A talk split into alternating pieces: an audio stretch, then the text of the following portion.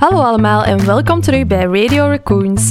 Techscoops voor vandaag gaan over een spaarrekening bij Apple, ontwikkelingen in generative AI-land, de doorbraak van AI-popsterren en dode links op het internet. De deep dive doen we deze keer over de commercialisering van de ruimtevaart. En naast onze vaste Curious Raccoon en Watercooler show-off lanceren we ook een gloednieuw segment, de glazen bol van David. Hallo allemaal en welkom terug bij een nieuwe aflevering van Radio Raccoons. Eerst en vooral, ja, voor de mensen die vorige week ja, aan het wachten waren op een nieuwe aflevering. Mea culpa, mijn schuld. Eh, ik had vorige, vorige week corona, dus ik kon er niet bij zijn. Ja. Mijn excuses. Nu, het goede nieuws is wel, we gaan die aflevering, we zijn die aflevering aan het inhalen. Ja. En volgende week komt er alweer een nieuwe aflevering uit. Dus kijk, dan om het goed te maken, krijg je meteen een dubbele dosis terug. Maar dus voor de mensen die al op de toppen van hun tenen aan het wachten zijn sinds vrijdag, we gaan er gewoon meteen invliegen met de techscoops. Ja. Daphne, jij mag beginnen deze keer. Yes, ehm, ik heb weer Apple-nieuws. Eh, het is precies dat ik dat altijd breng.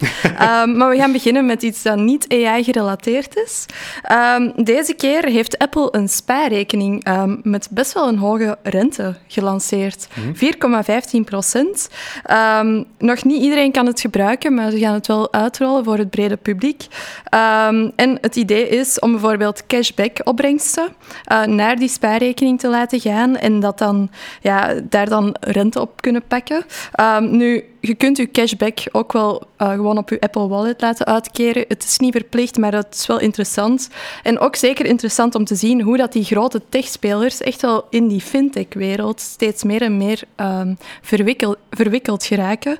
Eh, zeker nu dat ja, gewoon hun hardware... Ik had ook iets gelezen, gelezen over de iPhone nu op de tweede plaats zou staan of zoiets. Ja. Ehm, kan ook wel fout zijn. Eh, ik heb het niet helemaal doorgelezen, het was een headline. Eh, maar het is wel interessant dat ze zich op nieuwe markten begeven. Ja, dat ze eigenlijk meer en meer de fintech-wereld aan het betreden zijn. Eh, Apple Pay Later is een ander voorbeeld van een dienst die Apple lanceert, die eigenlijk meer op een financieel bedrijf begint te lijken dan ja, het techbedrijf waarvoor ze gekend zijn. En ja, ze zijn er ook niet alleen in. Hè. Meta heeft soortgelijke ambities, dus ik denk dat de, de financiële wereld Mhm. precies heel interessant lijkt te worden voor onze Ja, techbedrijven. absoluut. Maar dus, we zijn begonnen met een stukje niet-generative AI-nieuws, maar het zou natuurlijk niet volgens de traditie zijn als er toch niet weer Ja. eh, een hoop interessante nieuwsartikelen over uitgekomen zijn. Ik denk, ja, misschien een van de belangrijkste zaken om mee te beginnen is, mensen, vergeet GPT, vergeet GPT-4, vergeet ChatGPT. Het is allemaal oude, oud nieuws, verleden tijd. Vanaf nu hebben we het alleen nog maar over AutoGPT en baby AGI's en andere termen die eraan gegeven worden, verschillende implementaties van hetzelfde idee. Wat houdt dat min of meer in? Dus heel veel nieuwsartikelen rond verschenen. Min of meer heeft iemand het lumineuze idee gekregen van wat als we die ChatGPT's ook gewoon tegen elkaar laten praten. Hm? Iemand heeft het idee gekregen van kijk, ik geef een opdracht aan zo'n ChatGPT-achtig systeem. Maar wat dat ChatGPT-systeem dan moet kunnen doen, is zelf ook de opdracht doorgeven aan andere instanties van ChatGPT. Zodanig dat ze eigenlijk kunnen gaan samenwerken aan een probleem en zo iteratief tot een oplossing gaan komen. Dus er zijn echt eh, er zijn versies van ChatGPT die dienen als brainstormer, die met nieuwe ideeën moeten afkomen. Dan zijn er andere versies die eerder dienen als criticaster, die naar de ideeën moeten gaan kijken en daar Ja. problemen moeten mee zoeken en verfijningen in vinden. En het idee is dus van ja, laat die zaken Samenwerken. goed samenwerken en laat die zaken draaien. En je kan dus heel indrukwekkende resultaten Ja. krijgen. Nu, klein beetje eh, scepticisme toch Ja. wel. De output van die zaken, eh, zeker als je op het internet gaat gaan kijken, zou je denken van general intelligence, het is hier. We hebben er vorige week nog maar over gebabbeld. Het is nog geen glazen bol. We, hebben nog geen general intelligence. Maar iedereen claimt dat dit het nieuwe ding zou kunnen zijn, dat dit de nieuwe general intelligence zou kunnen zijn. Maar nee, eh, de output is nog niet zo goed. Ja. Maar het idee lijkt Ja. wel heel interessant. Het idee is ook van, stel dat we in plaats van, meestal gebruiken we daar nu GPT-4 voor om, om die agents te zijn. Stel dat we daar een iets betere agent in bouwen, wel, dan wordt het hele systeem ook beter. En dan kunnen we in de toekomst misschien echt wel zeggen van, kijk, ik wil een app bouwen denk het helemaal uit voor mij, schrijf al de code, upload het ergens op Amazon en zorg dat het werkt allemaal met een API'tje ingebouwd. Ja. Dus toch wel iets om in de gaten te Oké, houden. dus echt een multidisciplinair team in één, ehm, ja, eigenlijk één tool. Ja, echt een team van ja, large language models die allemaal tegen elkaar praten en samenwerken om tot een bepaald resultaat te komen. Ja, het klinkt wel als die AGI eigenlijk, maar ja, het is nog niet zo goed, maar En Wel, er is dus één implementatie van, van dat idee en het noemt Baby AGI. eh, Ja, ah ja, met het ah idee ja, inderdaad. dat, dat het misschien wel eens een opstapje zou kunnen zijn naar the real thing. mhm. Daaraan gekoppeld, ik denk om toch nog verder te doen in het GPT-nieuws. We gaan het er allemaal in één keer Ja. uitduwen, hè, dat, we er, eh, dat we er een beetje van af zijn.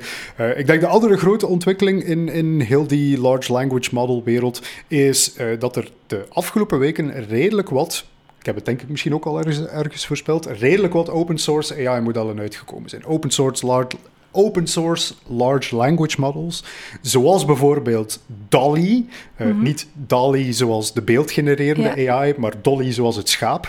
Ehm, DALL-E is een eh, AI-model en wat daar heel bijzonder aan is, is dat het het eerste open source AI-model is met een volledig open commerciële licentie. Dus de allereerste keer dat wij, bedrijven zoals wij, Ja. eigenlijk met zo'n model, een lokaal model, aan de slag kunnen gaan gaan, daar dingen mee mogen bouwen en dat we daar ook effectief centjes mee mogen verdienen met wat die systemen doen. Dus volgens mij, als ik al een voorspelling mag doen, dit is waar we al de hele tijd op aan het wachten zijn. OpenAI, ze hebben hun API, dat is allemaal goed en wel, maar het zijn toch wel die open source modellen die het meeste ja, innovatie kweken, waar mensen zelf mee aan de slag kunnen gaan gaan zonder dat ze daarvoor moeten betalen aan eh, de OpenAI. Het is toch wel een goede evolutielijn. En zit het dan op hetzelfde niveau als eh, ChatGPT bijvoorbeeld? Nee, eh, dus ChatGPT, dat is de, zeker niet GPT-4. Hè. Dus Ja. Dolly zegt bijvoorbeeld ook zelf in een release van kijk, dit is geen state-of-the-art AI-model. Het is niet het beste AI-model dat er bestaat. Maar het draait op een gewone computer in plaats van op een gigantisch datacentrum. En het is open source. Je kan alles volledig zelf gaan downloaden en het zelf gaan onderzoeken. Ja, dat is toch ook wel een hele doorbraak. Hè? Allee, alles is een doorbraak geweest de afgelopen maanden, maar ik denk voor ons eh, dat dat toch wel eens heel interessant kan Ja. zijn. Hè? Naast Dolly is er bijvoorbeeld ook Stable, eh, Stable LM, denk ik dat het noemt. Ehm, het bedrijf Stability AI achter Stable Diffusion, eh, het andere grote open source AI-model, maar dan voor afbeeldingen. Zij hebben nu ook een large language model gelanceerd, ook volledig open source. Dus ik denk, ja, als we de komende maanden nog over GPT zullen praten, ik denk wel dat die open source AI-modellen steeds meer eh, in Ja. de pap zullen te brokken. En OpenAI, komen die dan eh, met een GPT-5? GPT-5, wel, ehm, Sam Altman, Mhm. de CEO van OpenAI, heeft in een interview onlangs verklaard dat er nog geen GPT-5 in de training Nee. zit momenteel.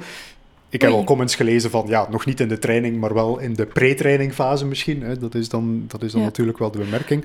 Maar hij heeft ook al in een interview verklaard dat GPT-4 volgens hem het einde is van, van de enorme groei die Ja. we zien in die large language Oké, models. dus bijvoorbeeld een Dolly gaat ook niet veel verder kunnen gaan volgens hem dan. Gaat dan die niet veel verder GPT-4. moeten gaan. Hè. Dus de, ehm, de, de grote ontdekking die ze echt wel een beetje gedaan hebben tussen 3 en 4, Ja. is dat ehm, het vergroten van die modellen brengt meerwaarde, maar dat vlakt een beetje af. Hè. Diminishing returns heet Ja, dat dan, van je kunt het blijven vergroten en het gaat blijven dingen een beetje verbeteren, maar op de duur is het Maar de eigenlijk niet meer de meerwaarde is niet meer. Inderdaad. even allee, groot genoeg om het steeds beter en beter te gaan maken en steeds meer resources. Want je mag ook niet vergeten, dat, dat kost ook allemaal veel energie en geld Inderdaad. om dat allemaal te gaan trainen. Dus ehm, het kan wel eens zijn dat GPT-4, misschien een 4.5, dat ja, dat... eh, de 4.5 komt er waarschijnlijk nog wel aan. ja. Maar vanaf dan zal het vooral gaan om meer data in plaats van om grotere modellen. Tenminste in de nabije toekomst. Eh, Wie weet, binnen vijf jaar gaan we weer grotere modellen maken en Mhm. gaan die weer coolere dingen doen. Maar Sam Altman, alleszins, die zegt toch van "Hm, het is Mhm. niet meer zo interessant om ze te blijven groter maken. Goed, interessant. Ik had ook nog een AI-nieuwtje. Ehm, AI art goes mainstream. dus ehm, onlangs is er een liedje van eh, Drake en The Weeknd. Het heette Heart on My Sleeve. Ehm, AI gegenereerd, helemaal losgebarsten op het internet. Super populair, maar dat is door de labels van Drake en The Weeknd eh, terug af van het internet gehaald. Ehm, nu, Grimes, uh, de, het ex alleen van Elon Musk. Ik weet het niet. Ze heeft er al sinds um, een kind mee. Dus, dus twee, ja, denk ik zelf. Of niet? Ja, ja, ja, het zal twee denk zijn. Het. Ja, ik weet het niet. Um, die relatie ga ik me niet over uitspreken. um, maar in ieder geval, zij is ook een, uh, een, een, een, zangeres, uh, een DJ. En zij zegt, um, mijn stem mocht je wel gebruiken, voor, wel in ruil voor 50% van de royalties. Um, interessante ontwikkeling. Ik denk, ja, ethisch, legaal gaat er nog veel aan te pas komen uh, qua AI-generated muziek. Maar het zijn wel vragen die zich stellen. Hè. Moeten de royalties aan, aan Grimes betaald worden? Ja. Is dat wel zo? Want stel, ik heb een stem die heel hard op die van Grimes lijkt. Dat is niet zo, maar stil. Um, moet ik dan aan Grimes royalties gaan betalen als ik zelf mijn liedjes maak en gewoon haar stem zou nabootsen? Dus, allee, ik snap wel wat ze zegt, dat ze royalties wilt. Ik ga daar ook niet um, zeggen dat dat niet mag of zo, maar het is wel een vraag die zich stelt. Hè. Hoe gaat dat evolueren? Um, gaat dat een ding zijn dat je moet splitten of... of heeft ze eigenlijk geen legale grond om, om zoiets te doen? Um, dat weet ik eigenlijk zelf niet, maar ik vond wel... Ja, het zijn toch altijd die vraagstukken dat zich terug oproepen. Ik, uh, ik krijg wel vaker vragen over de, de wettelijke kant mm -hmm. van, van heel die generative AI. En het antwoord is daarvan, we weten het nog niet. Uh, het zal duren tot Disney uh, ja. zijn rechtszaak aanspant en dan gaan we het eens goed in de wetten gaan gieten. Maar er zijn, ja, er zijn een aantal precedenten momenteel, maar nog niks, er, er, is nog niets nee. hard in steen bepaald. Dus voor de mensen die ondertussen een paar centjes willen verdienen, het is misschien wel eens een ja. idee om, om met de stem van Grimes een nieuwe hit te gaan produceren. Mm -hmm. En kijk, zolang dat het 50-50 gedeeld wordt. Het is op zich al vooruitgang, want ik denk dat er veel zouden zeggen van van mijn stem blijf je ja. af en die is alleen maar van mij. Grimes is een beetje experimenteel mm -hmm. en die, die vindt dat allemaal niet zo erg. Die zegt wel, ja. doe maar. Misschien dat Elon uh, het daar ook wel ingesproken heeft in haar oortje om het uh, zo te doen. Ja. zou kunnen. maar goed, dat was ons generative AI nieuws, denk Daarmee ik. Daarmee zijn we helemaal klaar met het generative ja. AI nieuws. Uh, als laatste techscoop, misschien nog eentje ja. die zo wat uh, onder de radar uh, aan het vliegen is, maar volgens mij toch wel een hele grote impact zal hebben. Oké, okay, vertel. de website Imager. Of Imgur, afhankelijk ja. van hoe je het wel precies wilt. I-M-G-U-R. Mm -hmm. misschien niet bij iedereen bekend, maar toch wel ja, een hele populaire website geweest de afgelopen jaren. Als zijnde min of meer de makkelijkste site om snel eventjes een afbeelding te uploaden en dat in een linkje ergens op het internet te kunnen gaan plaatsen. Je kon dan heel gemakkelijk zonder registreren, hup, een afbeeldingsknop op die website zetten en dan kon je dat ergens in een forum of zoiets uh, gaan posten. Nu, Imager heeft besloten om alle links met enerzijds expliciete content. Dus ja. dat, is, dat moet je zelf maar inbeelden, ja. hè, met expliciete content. Um, en anderzijds alle links van ongeregistreerde gebruikers gaan zij van hun servers halen. Klinkt op zich als een niet bijzonder groot drama, maar je moet wel beseffen dat een heel groot deel van het internet, buiten dan Facebook en Instagram, die bewaren hun foto's zelf natuurlijk, maar, maar een heel groot deel van het internet staat vol met die foto's die geüpload zijn op Imager. En die gaan plots allemaal verdwijnen. Ze ja. noemen zoiets linkrot, by the way. Mm -hmm. Linkrot. Mm -hmm. uh, als je in de toekomst naar oudere delen, oudere mm -hmm. gebuurtes van het internet zal gaan, ja. uh, dan is het heel goed mogelijk ja, Geen dat afbeeldingen, er afbeeldingen meer. gewoon weg zullen zijn. iemand post een, een guide oh, dat je je filter moet vervangen of zoiets. Uh, met, met een mooi aantal afbeeldingen. Wel, die afbeeldingen zijn allemaal weg. weg. En dat is toch wel een beetje een probleem. Ja. De, zeker uh, voor, voor internet historians, Mhm. mm -hmm. heet dat dan. die zijn heel geïnteresseerd in het bewaren van het internet in de originele staat. Zij zijn dus nu ook massaal die afbeeldingen aan het scrapen, zodanig dat zij dat kunnen bewaren ja. voor toekomstige bezoekers. Okay. Ja, toch een grote impact, denk ik. Want ik had het eigenlijk nog niet gehoord dat dat ging gebeuren. Um, maar ja, misschien als je op uh, Imager nog wat afbeeldingen hebt staan, ga even kijken of het dat is ze niet gaan snel verdwijnen. doen. Expliciete afbeeldingen of anderzijds, ja. uh, je moet ze maar snel gaan halen, want uh, ze zullen binnenkort verdwijnen. Alright, dankjewel David. Um, dan gaan wij over naar onze deep dive. Hè? Yes. Alright, uh, zijn we aangekomen bij onze deep dive. Uh, en we gaan eigenlijk verder op iets dat we vorige aflevering al gezegd hebben. Um, Starship van SpaceX van uh, Elon Musk is gelanceerd. Hoera. Um, hoera, het is gelanceerd, het is ook terug ontploft. Um, iets minder, of ja, op zich was het misschien wel ergens de bedoeling 50, om te testen. Elon, ja, ja um, dus geen ramp, maar we zagen het wel als een kans om eens uh, onze deep dive over space technologie en commercialisering van de ruimtevaart te doen. David heeft een aantal dingen voorbereid, uh, dus we gaan eens um, erin vliegen. Hè? Ja, voilà. Het is, is ook weer een beetje gestart op basis van een discussie die we, die we gehad hebben, uh, Daphne. Inderdaad, SpaceX lanceert de Starship en daar is veel rond te doen. Maar, maar ja, ik, je kent mij, ik ben zo'n mannetje, ik kan, ik kan zo'n dingen niet horen zonder met mijn vingertje te beginnen zwaaien. Veel mensen, uh, als ze spreken over SpaceX, hebben zoiets van, ja, die, die zijn begonnen met de commercialisering van de ruimte. Dankzij SpaceX zijn we nu aan het kijken naar commercialisering. Nu...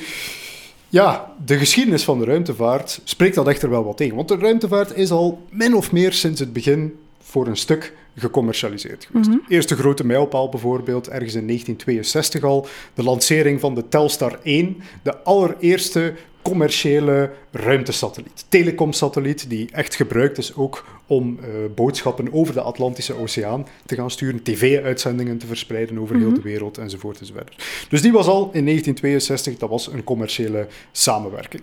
Fun fact, by the way, dat is een reeks van satellieten die ook vandaag de dag nog in de lucht hangen. En de laatste daarvan is gelanceerd op een SpaceX-raket. Oké. Okay. Uh, leuk stukje continuïteit uh, van de commercialisering. Um, ook SpaceX is, is qua bedrijf helemaal, niet de, helemaal geen pionier. Het allereerste commerciële ruimtevaartbedrijf, ook een interessant weetje, mm -hmm. uh, is Europees. Ariane okay. Space. Um, de, uh, het bedrijf achter de Europese raket, de Ariane-raket, ja. um, is al sinds 1982 opgericht en was daarmee het allereerste commerciële ruimtevaartbedrijf. Ja, ja eigenlijk grappig, want dat is ook een, uh, een bedrijf waar wij vanuit Raccoons uh, onze dochteronderneming uh, Edgeice, uh, die artificial intelligence voor uh, de ruimtevaartindustrie bouwt, werkt samen met Ariane-projecten. Dus ja. weer continuïteit. Inderdaad. Dus ja, allee, die, die markt is altijd wel al, al ja, is altijd commercieel geweest. Hij is mm -hmm. niet zuiver gedomineerd door, door uh, overheidsspelers enzovoort. Maar, maar ja, er is toch wel iets veranderd, ja. zou ik durven zeggen. En ik denk, het, het eerste grote dat veranderd is, is toch echt wel ja, de opkomst van SpaceX heeft min of meer het monopolie doorbroken van de grote ruimtevaartbedrijven. Ja. Ook in, in het beeld van de gewone mensen. Eerst ja. was er NASA, ESA en dan voor de rest ja, uh, de Russische Ros... Roscosmos. Roscosmos. Um, dat waren eigenlijk de drie spelers die, die heersten, zal ik maar zeggen. Ja. En SpaceX heeft daar toch echt wel in het beeld alleen al heel veel verandering gebracht. Nu, hè? Dat is inderdaad een beetje het publieke beeld ja. die mensen hebben. Want natuurlijk, als de NASA een raket lanceerde, dan was dat niet zozeer een raket die door NASA zelf altijd gebouwd werd. Ja. Dus dat, dat is het, de grote verandering.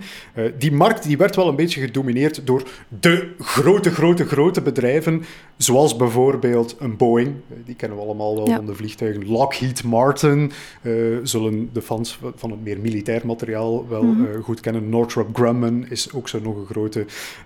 dus die grote spelers die waren echt wel een beetje dominant in die markt. En dat heeft er min of meer voor gezorgd dat die markt ook wel wat gestagneerd is. Er was niet echt concurrentie. Twee van de grootste spelers zijn dan ook nog eens gefusioneerd in 2006. Wel niet echt gefusioneerd, maar ze mm -hmm. hebben een joint venture opgericht, de United Launch Alliance. Boeing en Lockheed Martin zijn er samen voor 50% ingegaan. Met het idee van, we gaan de kosten daarmee gaan drukken, maar eigenlijk hebben ze daarmee de concurrentie gewoon weggevaagd en is het omgekeerde gebeurd. Mm -hmm. Want, eh, natuurlijk, waar staan die bedrijven heel hard voor gekend, is ook een beetje hun manier van werken. Vandaag de dag, wij werken in een techwereld en Daphne, wat is het nummer één woord die wij gebruiken als het gaat om onze manier van werken in die start-up tech-industrie? Agile? Agile natuurlijk. Wij werken op een agile manier. Ja. En dat is, dat is eigenlijk al een beetje een buzzword op zichzelf ja, geworden. Inderdaad. Gewoon omdat wij nooit iets anders geweten hebben. Lean and mean. Wij zijn altijd een beetje van het idee geweest van we proberen iets, mislukt het, dan itereren we erop mm. en dan doen we uiteindelijk ja. verder tot als we iets werken. Er hangt ook wel niet zoveel van af als in de ruimtevaartindustrie. Inderdaad, wij moeten ook wel geen mensen de ruimte insturen. Maar hè, die, die, die grote klassieke bedrijven die zijn het nog veel meer gewend om te werken volgens de, de watervalmethode. Ja, Min of meer alle stappen volgen elkaar sequentieel op. En je steekt eigenlijk heel veel tijd in het begin in de planning om ervoor te zorgen dat je later geen verrassingen hebt. Mm. Daar komt het min of meer op neer. Nu, dat is de grote disruptie geweest die toch wel Elon Musk met SpaceX die, die ruimtevaartindustrie mm. heeft binnengebracht. Namelijk van, ja, hun hele concept was van, kijk, we gaan gewoon proberen. Ja. we gaan dingen lanceren. Er gaat wel een keer links en rechts iets ontploffen. Hè. We gaan geen drie maand uh, alles tien keer nacontroleren om zeker te zijn. Ah, wel, als het ontploft, dan, dan gaan we ervan leren. Dan maken we een nieuwe versie die niet meer zal ontploffen. Hopelijk, of om een andere reden zal mhm. ontploffen. En zo doen we verder. Dus dat is, dat is echt wel een hele grote innovatie geweest van SpaceX. En daarboven komt dan nog eens ja, het, het revolutionaire concept van SpaceX. We gaan onze raketten gaan hergebruiken. Ja, dat is echt wel ehm, nieuw hè, in de space-industrie. En ook zoveel beter. Ja. Ehm, het is ook veel goedkoper om het zo te doen. Hè? Want je moet niet telkens opnieuw die raket gaan bouwen. Je hebt natuurlijk wel je, je brandstoffen die je elke keer opnieuw moet betalen, wat ongelooflijk veel kost natuurlijk. Maar hoeveel, je hebt het daar juist nog gezegd tegen mij, hoeveel keer uh, goedkoper was het? Ehm, ja, het is nu ongeveer, ik denk, een factor 2 à 3 goedkoper dan, dan, laten we zeggen, bijvoorbeeld de Space Shuttle, uh, die, we, die we destijds hebben gelanceerd. Mm qua, qua kilogram to orbit, ja. of meer de prijs die je betaalt per kilogram die je in een baan rond de aarde wilt brengen. Het is nu al een factor 2 tot 3 goedkoper en Elon Musk heeft plannen om dat nog een, tot een factor 10 te gaan brengen en met die Starship. Dat is echt commercialisering. Hè? Dan gaan veel meer spelers kunnen deelnemen aan, uh, ja. Aan uh, ja, de space-industrie gewoon in het algemeen. Hè? Het verandert ook wel een beetje de manier waarop op NASA eigenlijk tegen die commerciële bedrijven aankijkt. Wat NASA vroeger zou gaan gezegd hebben is van kijk, bouw voor onze raket en jij krijgt van ons zoveel 100 miljoen euro. En mhm. wij gaan die raket dan lanceren op onze basis en daar onze satellieten in steken en we zijn klaar. Nu gaan ze eigenlijk steeds meer gaan zeggen van kijk, wij hebben hier iets dat we in de ruimte willen krijgen en wij willen, allez, geef ons iets waarmee dat, dat de ruimte ingaat. En dat is uw raket. je mocht dat vanaf uw basis lanceren. Dat kan ons eigenlijk allemaal niet zoveel schelen. Het enige wat dat ons kan schelen is dat die baan, uh, is dat dat onze payload, heet dat dan, mhm. onze, onze, satelliet meestal, uh, in een bepaalde baan rond de aarde ja. geraakt. En doe het zo goedkoop, goedkoop mogelijk en dan zijn we blij. Doe het zo goedkoop mogelijk, bied tegen elkaar. Ja. En het idee is dan, het, de, de, de grote hoop van NASA, van ESA, waarschijnlijk ook van Roscosmos en het, en het Chinese ruimtevaartcentrum, is dat zij niet meer de enige klant worden dat, dat, dat, er heel, dat er een hele grote markt is van bedrijven die dingen de ruimte in willen gaan sturen. En dat zo de prijzen uiteindelijk gaan gedrukt worden. Ja, ja ik had onlangs ook een artikel gezien, uh, nog niet lang geleden, ik denk een paar dagen geleden, van uh, een Japans uh, bedrijf ja. dat ook op de maan wilde landen. Ja, dat is deel van een, een, een reeks van privé-initiatieven. Ik denk dat er zelfs een prijs achter zit, waarbij dat het privébedrijf die, die erin slaagt om op de maan intact te gaan landen, dat zij daar ook een, een redelijk mhm. grote cashbonus voor krijgen. Het Japanse voorbeeld is helaas wel niet gelukt. Ja. Ze zijn het blijkt toch echt moeilijk uh, te zijn, hè? Ruimtevaart is niet voor niets. Nee. Uh, it's not rocket science. Nee, uh, they don't call it rocket science for nothing. ja, dat is het idee trouwens. Um, de, om toch even terug te pikken op wat je daar straks gezegd hebt. Het, de grote reden waarom um, ja, waarom raket, raketten zo moeilijk zijn, zo moeilijk om mee om te gaan. En ook een beetje de reden waarom nog niemand op het idee van SpaceX, wel, ze waren er al opgekomen, maar waarom nog niemand het idee van SpaceX had gebruikt om raketten terug te lanceren, mhm. is namelijk omdat die raketten voor een heel groot deel uit brandstof bestaan. 90% van de massa van een raket is brandstof. Ja. Je hebt dat allemaal nodig, want elk grammetje brandstof heeft ook zijn brandstof nodig om naar ja. gestuurd te worden. Uh, dus dat is een enorm gewicht. En veel, allez, vroeger dacht men gewoon van, ach ja, kijk, weet je, als die 10% van die raket opbrandt in de atmosfeer, het maakt niet uit, want het is maar 10% van het hele verhaal.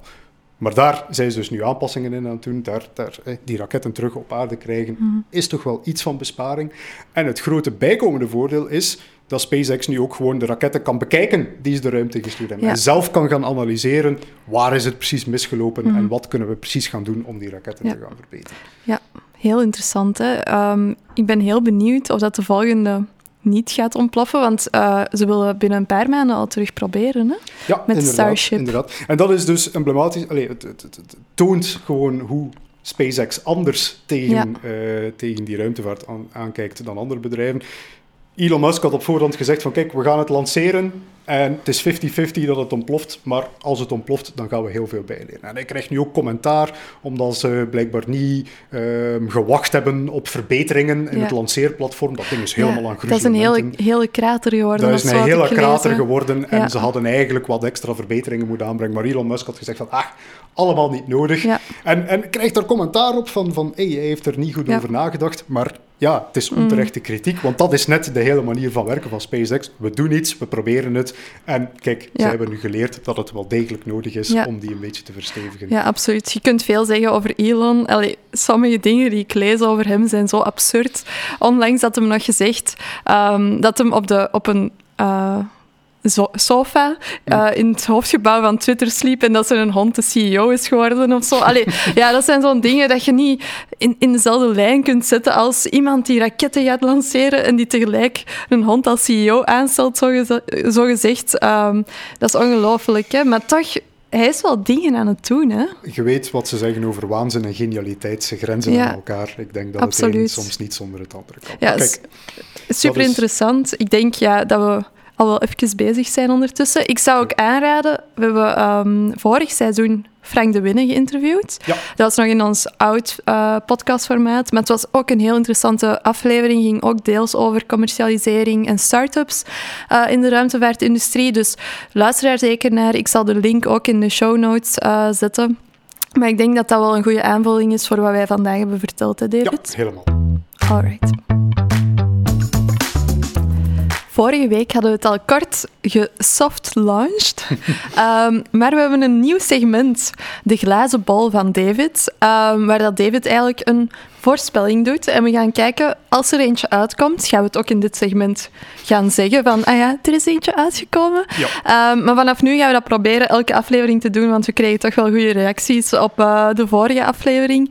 Dus ehm, David, wat heb je voor deze aflevering in petto? Yes, deze keer iets op basis van, van toch wel de, de heel indrukwekkende evoluties die we zien in het genereren van video's in de, de afgelopen, ja, toch wel weken eigenlijk min of meer. Dus nu een voorspelling. Eh, volgens mij ergens in de komende vijf jaar, we gaan het nog zeven worden, zal er een flame war op het internet ontstaan op basis van een illegaal AI-gegenereerd seizoen van een animatiereeks, laten we zeggen The Simpsons. Ja. Waarvan mensen zullen discussiëren dat het eigenlijk beter is dan de, de echte afleveringen van The Simpsons die op dat moment geproduceerd worden. Oké, we'll see. Oké, en nu zijn we aan- aangekomen bij een segment dat we wel al kennen. eh, onze Curious Raccoon. Deze keer hebben we een vraag van Sien, ehm, die eigenlijk getriggerd werd door een van onze vorige afleveringen, waar we het- gehad hebben over quantumcomputers. Ehm, dus bij, deze de vraag, ehm, wat moeten we doen met onze huidige software? Moeten we die al beginnen klaarmaken om over te zetten op quantumcomputers? En moeten we daar dan nu al mee beginnen? Oké. Heel terechte vraag, een praktische vraag. Misschien de vorige keer hadden we het iets theoretischer over wat die quantumcomputers wel allemaal zullen gaan kunnen. Ik denk, ja, het belangrijkste dat je moet beseffen over quantumcomputers is dat die quantumcomputers niet alles zullen gaan doen. Er is helemaal niks mis met onze klassieke computers. Ze zijn nog altijd het goedkoopste, het gemakkelijkste te gebruiken. Dus eigenlijk de software die we vandaag gebruiken, die gaat ook gewoon blijven draaien op onze klassieke computers. Eh, Zelfs wanneer die quantumcomputers praktisch worden, eh, zal er nog altijd een heel groot deel gewoon op klassieke computers blijven draaien. Quantumcomputers zullen echt gebruikt worden om gespecialiseerde, eh, heel gespecialiseerde berekeningen te gaan doen. Daar hebben we het de vorige keer over Ja. gehad. eh, Bijvoorbeeld voor medicijnen te gaan ontdekken, nieuwe chemische stoffen te gaan ontdekken. Maar dat is dus echt wel een, een gespecialiseerde taak. Software die gebruik zal maken van een quantumcomputer, zal dat eerder doen door zeg maar, een quantumcomputer in de cloud aan te spreken, daar wat berekeningen Ja. te gaan uitvoeren en dan eigenlijk het resultaat van die berekeningen gewoon op een klassieke computer verder te gaan gebruiken in onze klassieke software. Ja. Dus de software van vandaag gaat gewoon blijven draaien. Moeten we eigenlijk helemaal niet klaarmaken voor quantumcomputers. Anderzijds, een heel klein asteriskje daarbij, om het te gaan draaien op quantumcomputers, daar moeten we ons helemaal geen zorgen in maken. Iets anders waar mensen vaak aan denken is van wat eh, met die hele encryptie. Quantumcomputers gaan onze klassieke encryptie gaan breken. Ook daar kan ik best geruststellend in zijn als je niet de CIA bent of zo die eh, geïnteresseerd is om geheimen voor de komende 50 à 100 jaar te bewaren. Ehm, de voorspelling is ook dat het breken van encryptie met quantumcomputers nog even gaat duren. Ja. Eh, We gaan er eerst veel andere interessante dingen mee gaan doen. Je hebt enkele duizenden qubits nodig om praktische encryptie te gaan breken met quantumcomputers. Dus ook dat is eigenlijk een beetje toekomstmuziek. En Ja. ja, op de dag dat de quantumcomputers daar effectief ook in zullen slagen, dan gaat dat eigenlijk gewoon een patch zijn van een encryptie-algoritme die je gebruikt, in plaats van dat heel die software daarvoor moet worden aangepast. Dus voor de gemiddelde Jan Modaal eigenlijk helemaal geen zorgen om die quantumcomputers. Je zal er relatief weinig van merken. Oké, alright. Ik hoop eh, dat we daarbij de vraag van Sien eh, goed hebben beantwoord. Merci, David. En eh, bedankt, Sien, voor uw vraag. Ook een warme oproep om eh, aan andere mensen om een vraag door te sturen als Curious Raccoon. Eh, dan beantwoorden we ze graag eh, in onze volgende aflevering. Ehm, dat kan trouwens via radio.raccoons.be of via onze Instagram-pagina in- ra- radio.raccoons. Ehm, mag je ook altijd trouwens volgen. Ehm, en dan gaan we over naar het laatste segment. Hè. Yes. Oké, Daphne, dan is het tijd voor ons allerlaatste segment, de Watercooler Show-Off. En Daphne, deze keer heb jij er eentje voor ons. Ja, Laat inderdaad. Ehm, een vraag. David, weet jij waarom het logo van Facebook blauw is? Hmm. Eh, nee, niet meteen. Het is niet omdat elk techbedrijf precies een eh, blauw logo moet hebben. Eh, nee, het is eigenlijk een, eh, een heel ehm, grappige reden, vond ik zelf. Ik wist het zelf niet eh, tot ik het vond. Maar Mark Zuckerberg, dus de creator van Facebook, is kleurenblind. En die kon eigenlijk gewoon blauw het beste zien. En die dacht, ja, ik wil mijn eigen logo kunnen zien en te goed kunnen zien. Dus die zei, kom, blauw logo, klaar ermee. Oké. Dus dat Interessant. blauw nog goed kon zien en geen gekkere kleur zoals roze of zo. Of Ja, een heel ja wie weet wel, was het andere, anders een roos eh, logo geweest, maar we zijn geëindigd op blauw. Ehm, en daarmee zit onze aflevering er weer op. Hè? Yes, gegaan. Volgende week zijn we al terug, ehm, omdat David ja, vorige week ziek was. Eh, en zien we elkaar snel terug. Eh, als je voor dan een vraag zou hebben voor de Curious Raccoon, stuur gerust door. Eh, en volg ons ook op Instagram, radio.raccoons. En dan zien we jullie volgende week terug. Tot zo.